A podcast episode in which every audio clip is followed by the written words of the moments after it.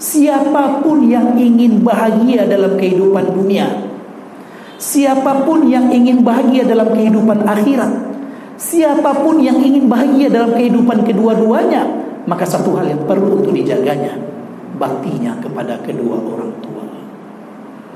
Jangan pernah dia lalaikan orang tuanya. Maka dalam Al-Quran indah yang disampaikan kepada kita.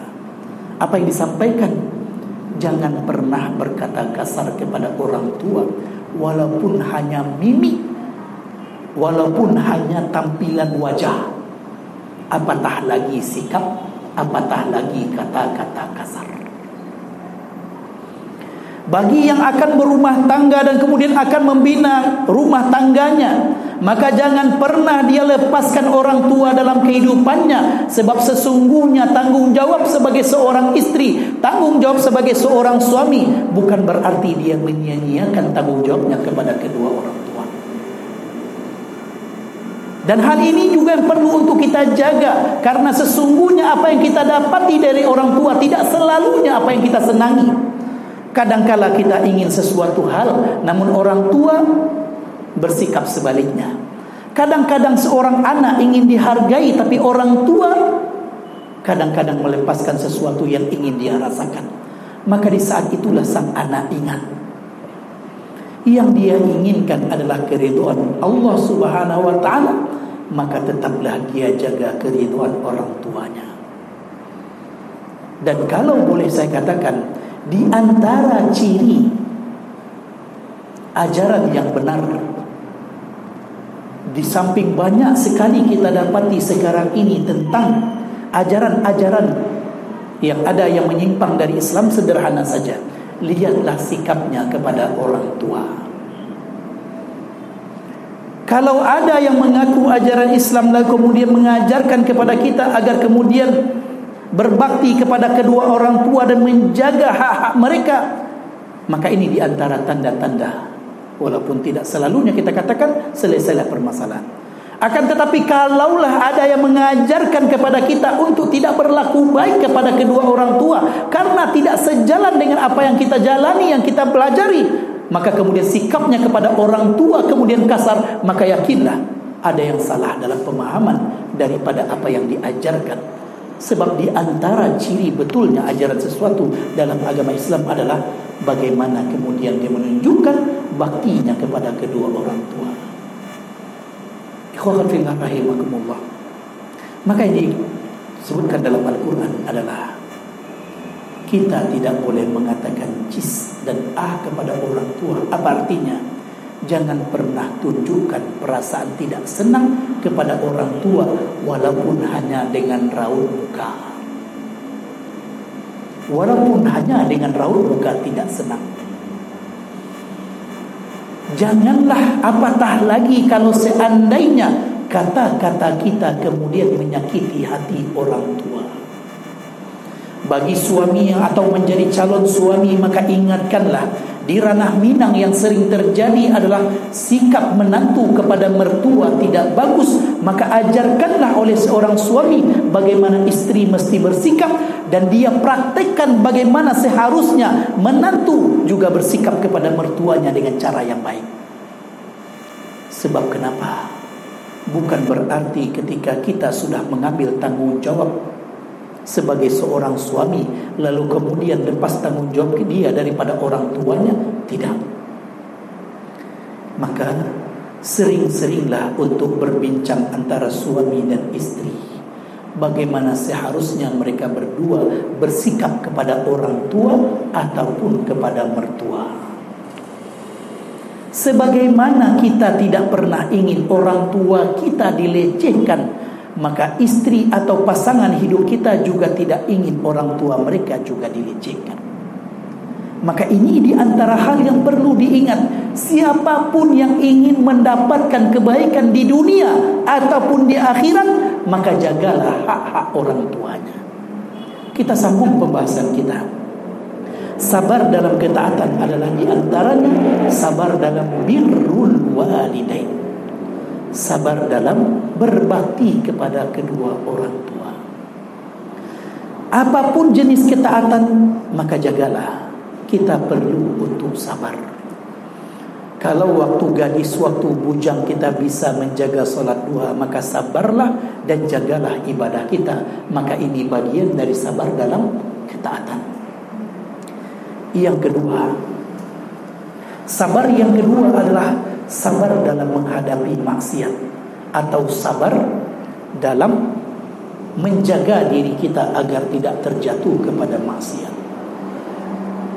Contoh yang luar biasa adalah Nabi Yusuf alaihissalam.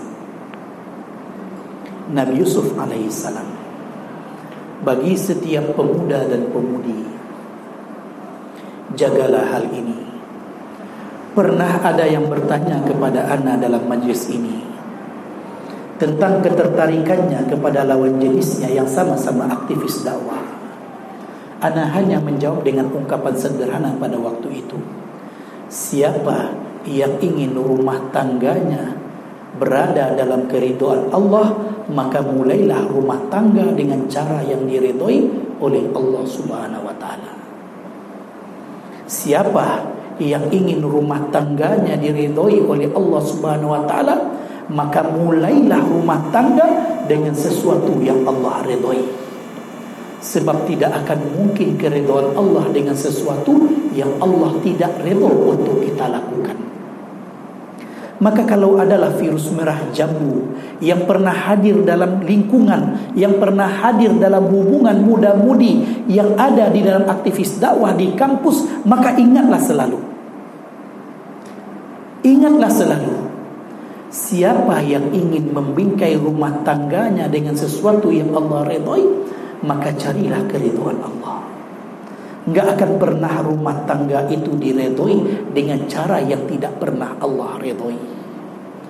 Ikhwafillah rahimakumullah, maka di sinilah cobalah lihat berbagai macam tipikal rumah tangga yang ada.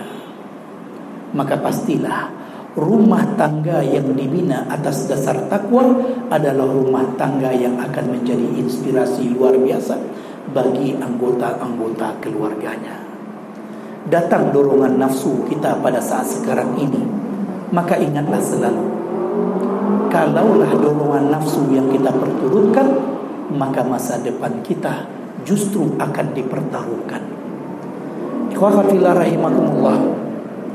Dalam menghadapi ya dalam menghadapi maksiat jangan bayangkan dia semudah membalik telapak tangan kalau ada di antara kita pernah jatuh dalam lubang maksiat maka syaitan akan selalu berusaha untuk membuat kita melakukan dan melakukan lagi maksiat yang pernah kita tinggalkan. Hari ini kita mampu bertahan Belum tentu besok kita mampu bertahan Karena setan akan berusaha dengan cara halusnya Untuk kemudian membuat kita jatuh dari waktu ke waktu. Maka di sinilah kita perlu teman-teman Teman yang terbaik adalah teman yang ketika kita melihatnya Mengingatkan kita kepada Allah subhanahu wa ta'ala Jangan sampai kita hanya mengandalkan teman Dalam konteks yang sifatnya secara umum Ikhwat fillah rahimakumullah Di sinilah luar biasanya bagaimana tarbiyah rabbaniyah datang kepada kita berkaitan dengan masalah teman.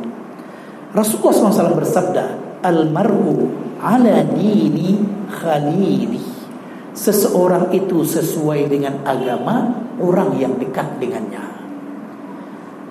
Maka maksiat ikhwakatillah rahimakumullah dan bagi yang menempuh usia 40 tahun atau sebelum usia 40 tahun maka akan datang ujian berikutnya yang diistilahkan dengan orang zaman sekarang puber kedua. Ikhwah fillah rahimakumullah.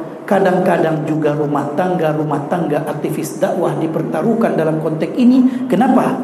Ketika pada usia-usia tersebut sang suami dihadapkan pada ujian yang membuat kemudian lututnya kemudian lemah dan akhirnya dia takluk dengan hawa nafsunya. Maka di sinilah kita perlu saling mengingatkan. Di sinilah kita perlu untuk saling memberikan nasihat dan mengingatkan. Watawasau bil haqqi watawasau bis sabri.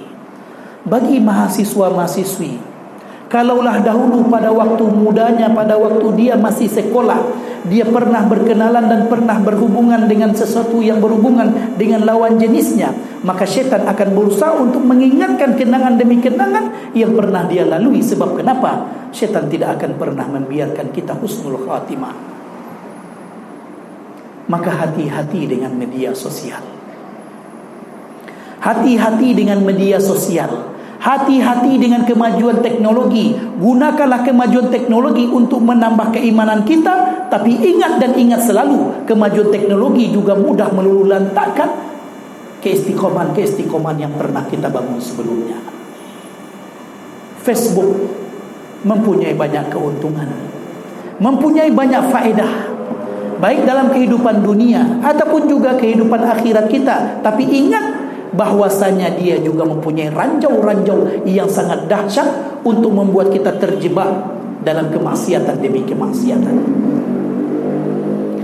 Jangan pernah buka satu pun pintu yang telah kita tutup berkaitan dengan maksiat. Sekali kita membukanya, maka biasanya keinginan-keinginan untuk membuka yang berikutnya akan kuat hadir dalam kehidupan kita.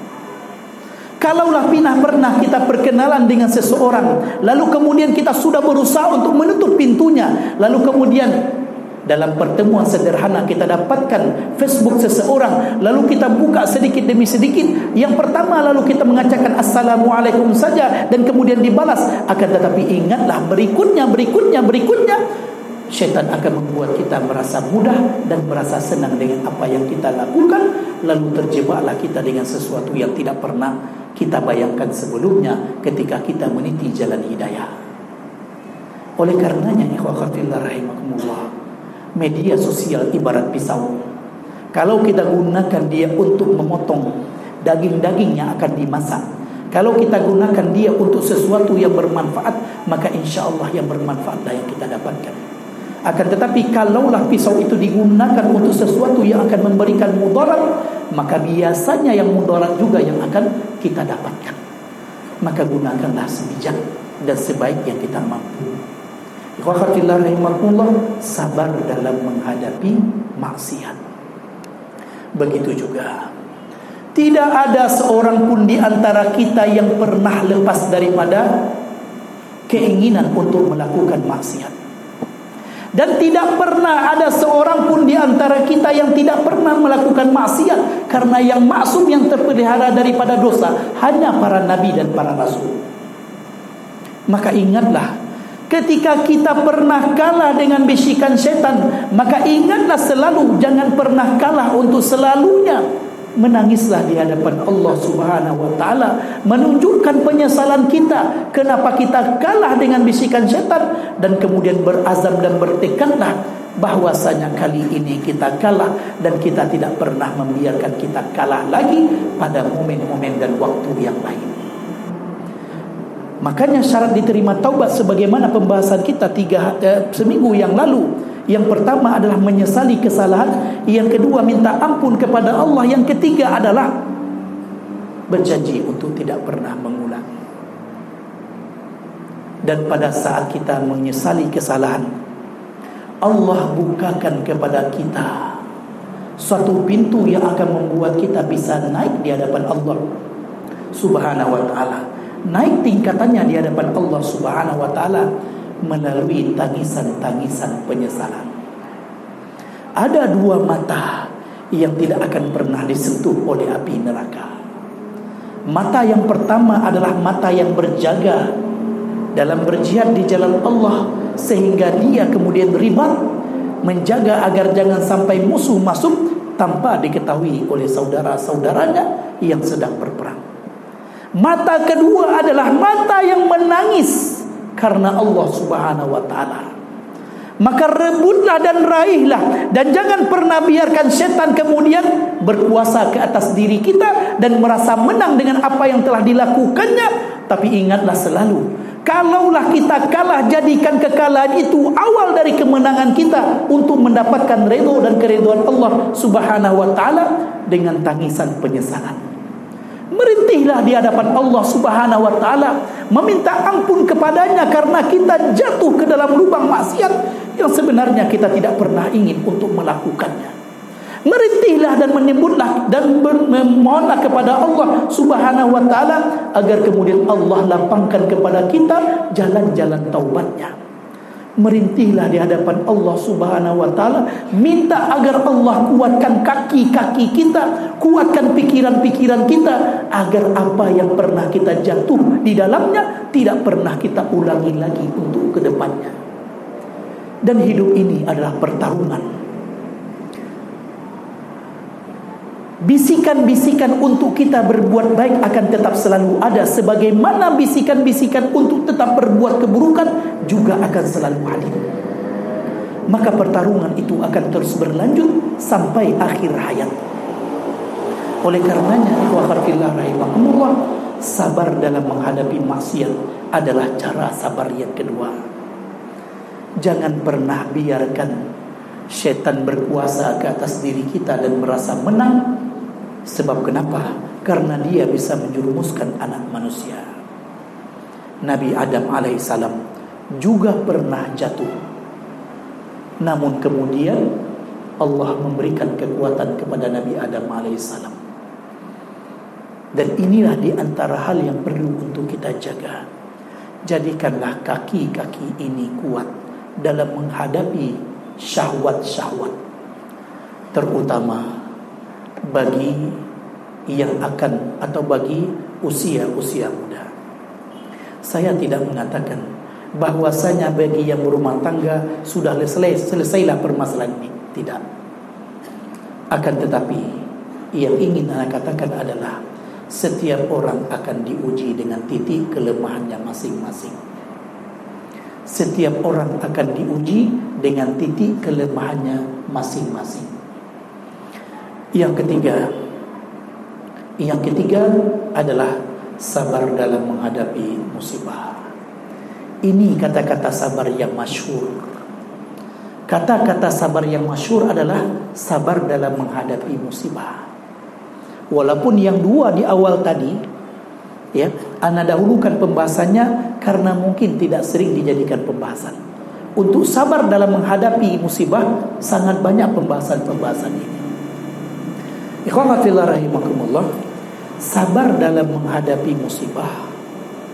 Artinya setiap kita akan diuji oleh Allah subhanahu wa ta'ala.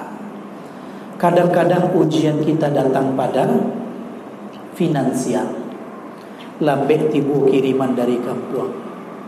Atau tidak ada kiriman dari kampung yang datang. Ikhwafatillah rahimakumullah Anak sedikit di luar tema. Ana sangat menganjurkan bagi siapa pun ikhwah dan akhwat, bagi siapa pun mahasiswa mahasiswi yang bisa part time dia untuk mencari maisha membantu orang tua, maka lakukanlah dengan satu syarat. Jangan pernah membuat dia kemudian meninggalkan bangku perkuliahan. Sebab yang diharapkan oleh orang tua sederhana. Pergilah ke mana saja biasanya orang sedang melaksanakan wisuda. Lalu tanyalah orang tua yang hadir, pernahkah dia tanya berapa nilai anaknya ketika wisuda? Enggak. Yang diharapkan yang dibanggakan oleh orang tuanya anaknya lah selesai adalah wisuda. Kok bara-bara lah nilai anak itu terserahlah. Bukan berarti kita mengetepikan tentang masalah nilai tidak. Yang dibahagiakan oleh orang tua adalah di antaranya adalah anaknya berhasil. Maka jangan pernah renggut kebahagiaan mereka dengan tidak sabarnya kita dalam menjalani kehidupan menuntut ilmu. Pasti setiap apa yang kita jalani akan ada tantangannya. Kalau ada seorang mahasiswa dia diuji dengan seorang dosen yang mungkin tidak care dengannya maka di situlah dia belajar bagaimana dia seharusnya bersikap dengan orang-orang seperti itu. Maka ikhwah fillah rahimakumullah jadikanlah kesabaran selalu menghiasi kehidupan kita. Kadangkala musibah itu datang dengan diambilnya orang-orang yang kita sayangi atau dengan orang-orang yang kita sayangi telah mendahului kita siapa pun dia maka pada saat itu jadikanlah kesabaran selalu menghiasi. Sebab ada kalanya musibah itu datang karena Allah sayang kepada kita. Inna Allah idha ahabba abdan ibtalahu. Sesungguhnya Allah jika cinta dengan seorang hamba, Allah uji hamba tersebut. Yang kedua, ada kalanya musibah itu datang karena Allah ingin menghapuskan kesalahan-kesalahan kita. Jadi kok damam awak, kok batu jangan sampai lisan ini mudah mengeluh. Sebab menurut Imam Ahmad, lisan mengeluh membuat menunjukkan kita tidak ridho dengan keputusan Allah Subhanahu wa taala. Yang ketiga, Musibah itu datang kadang-kadang karena ingin meningkatkan derajat kita. Inna asyaddan nasi bala'an Allah. Thummal amsal fal amsal. Sesungguhnya yang paling berat mendapatkan ujian daripada Allah Subhanahu wa taala adalah para nabi dan rasul. Kemudian orang yang seumpama mereka, kemudian orang yang seumpama mereka. Yang keempat jangan kita lupa Kadang-kadang musibah itu datang adalah azab. Maka ini di antara hal yang perlu kita ingat selalu. Baik ikhwatillah rahimahullah karena waktu yang membatasi kita, kita buka dengan tanya jawab.